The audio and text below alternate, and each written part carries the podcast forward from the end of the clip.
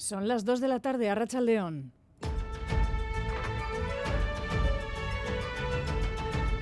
Crónica de Euskadi con Aichiber Bilbao.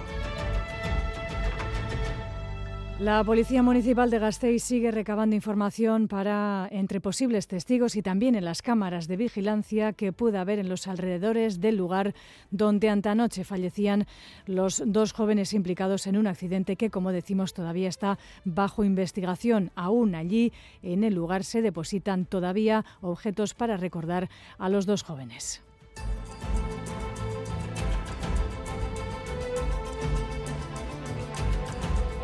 Y tras la manifestación de Sare ayer en Bilbao, cruce de pareceres en torno a la política penitenciaria que se aplica a los presos y presas de ETA ya en Euskadi y Navarra.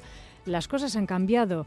Es manifiesto, nos decía esta mañana en Crónica de Euskadi fin de semana el delegado del Gobierno en Euskadi, Denis Ichaso. Responde el portavoz de la plataforma, Joseba Azcárraga. Entre otras, se aplica una ley de 2005 de Aznar.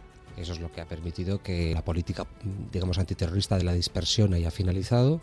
Otra cosa es que efectivamente hay una vigilancia judicial, porque las sentencias no las establece un gobierno, pero quien no quiera ver que en los últimos años se han producido cambios muy significativos, hay, que estar ciego para no verlo. La misma legislación que Aznar eh, aprobó en el año 2005 con una ETA actuando, ni tampoco estamos en la misma situación cuando se aprueba la Ley 7-2003 o la Ley 7-2014, que posibilita condenas de hasta 40 años de prisión efectiva cuando el límite era 30 años o cuando no se computa el tiempo de condena cumplida en cárceles francesas es pura excepcionalidad. Y, él lo sabe. Y entrevista hoy en el diario El País al presidente español Pedro Sánchez, que asume con normalidad que esta legislatura sí o sí deberá pactar hasta con quienes intentaron separarse de España en referencia a Junts y en Euskadi buscar a los votos de todos EH Bildu, pero el socio es el PNV. Por supuesto que vamos a, gobernar durante cuatro años. Este país no se va a poder gobernar si no se asume la pluralidad política y la diversidad territorial. Nosotros en Euskadi tenemos una relación estratégica con el Partido Nacionalista Vasco. Con Bildu nos separa un abismo en todo lo que tiene que ver con la convivencia. Pero yo voy a pedir el voto de todos los grupos parlamentarios que sean posibles para avanzar en derechos sociales y mañana empieza la audiencia de Vizcaya el juicio a los siete acusados de propinar una paliza casi mortal a un joven de Lemoa en el año 2021. Los agresores fueron 15.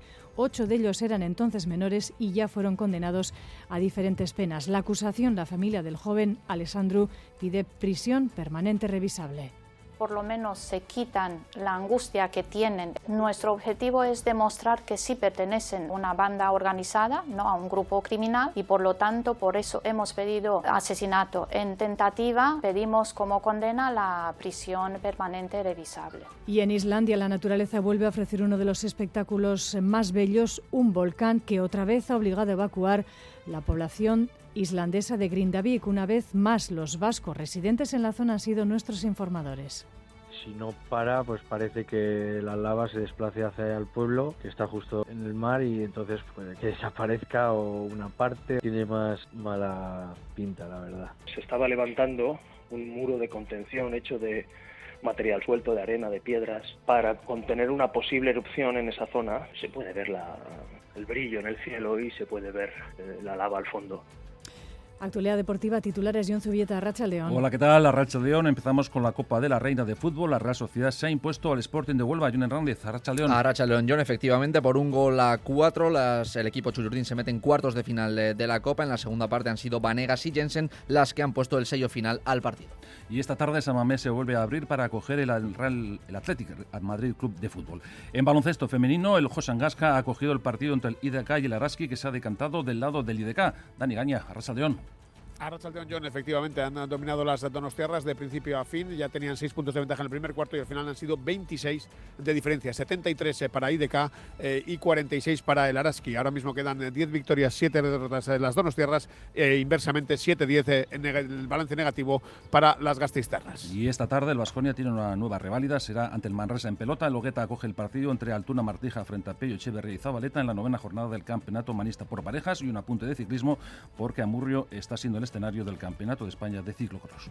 Buscamos ahora la información del, respecto al tiempo que nos va a acompañar estas próximas horas Euskalmenda, Yara Barredo, Arracha León. Arracha León, durante la tarde tendremos un ambiente bastante gris, con alta nubosidad y también algo de lluvia, aunque no será muy abundante. Las temperaturas, eso sí, serán suaves, sobre todo en la vertiente cantábrica. Y mañana comenzaremos la semana con un tiempo muy similar, con cielos muy nubosos y también con lluvia. Mañana esa precipitación será más abundante en la vertiente cantábrica, donde lloverá de forma más frecuente, sobre todo por la mañana y en el entorno del mediodía.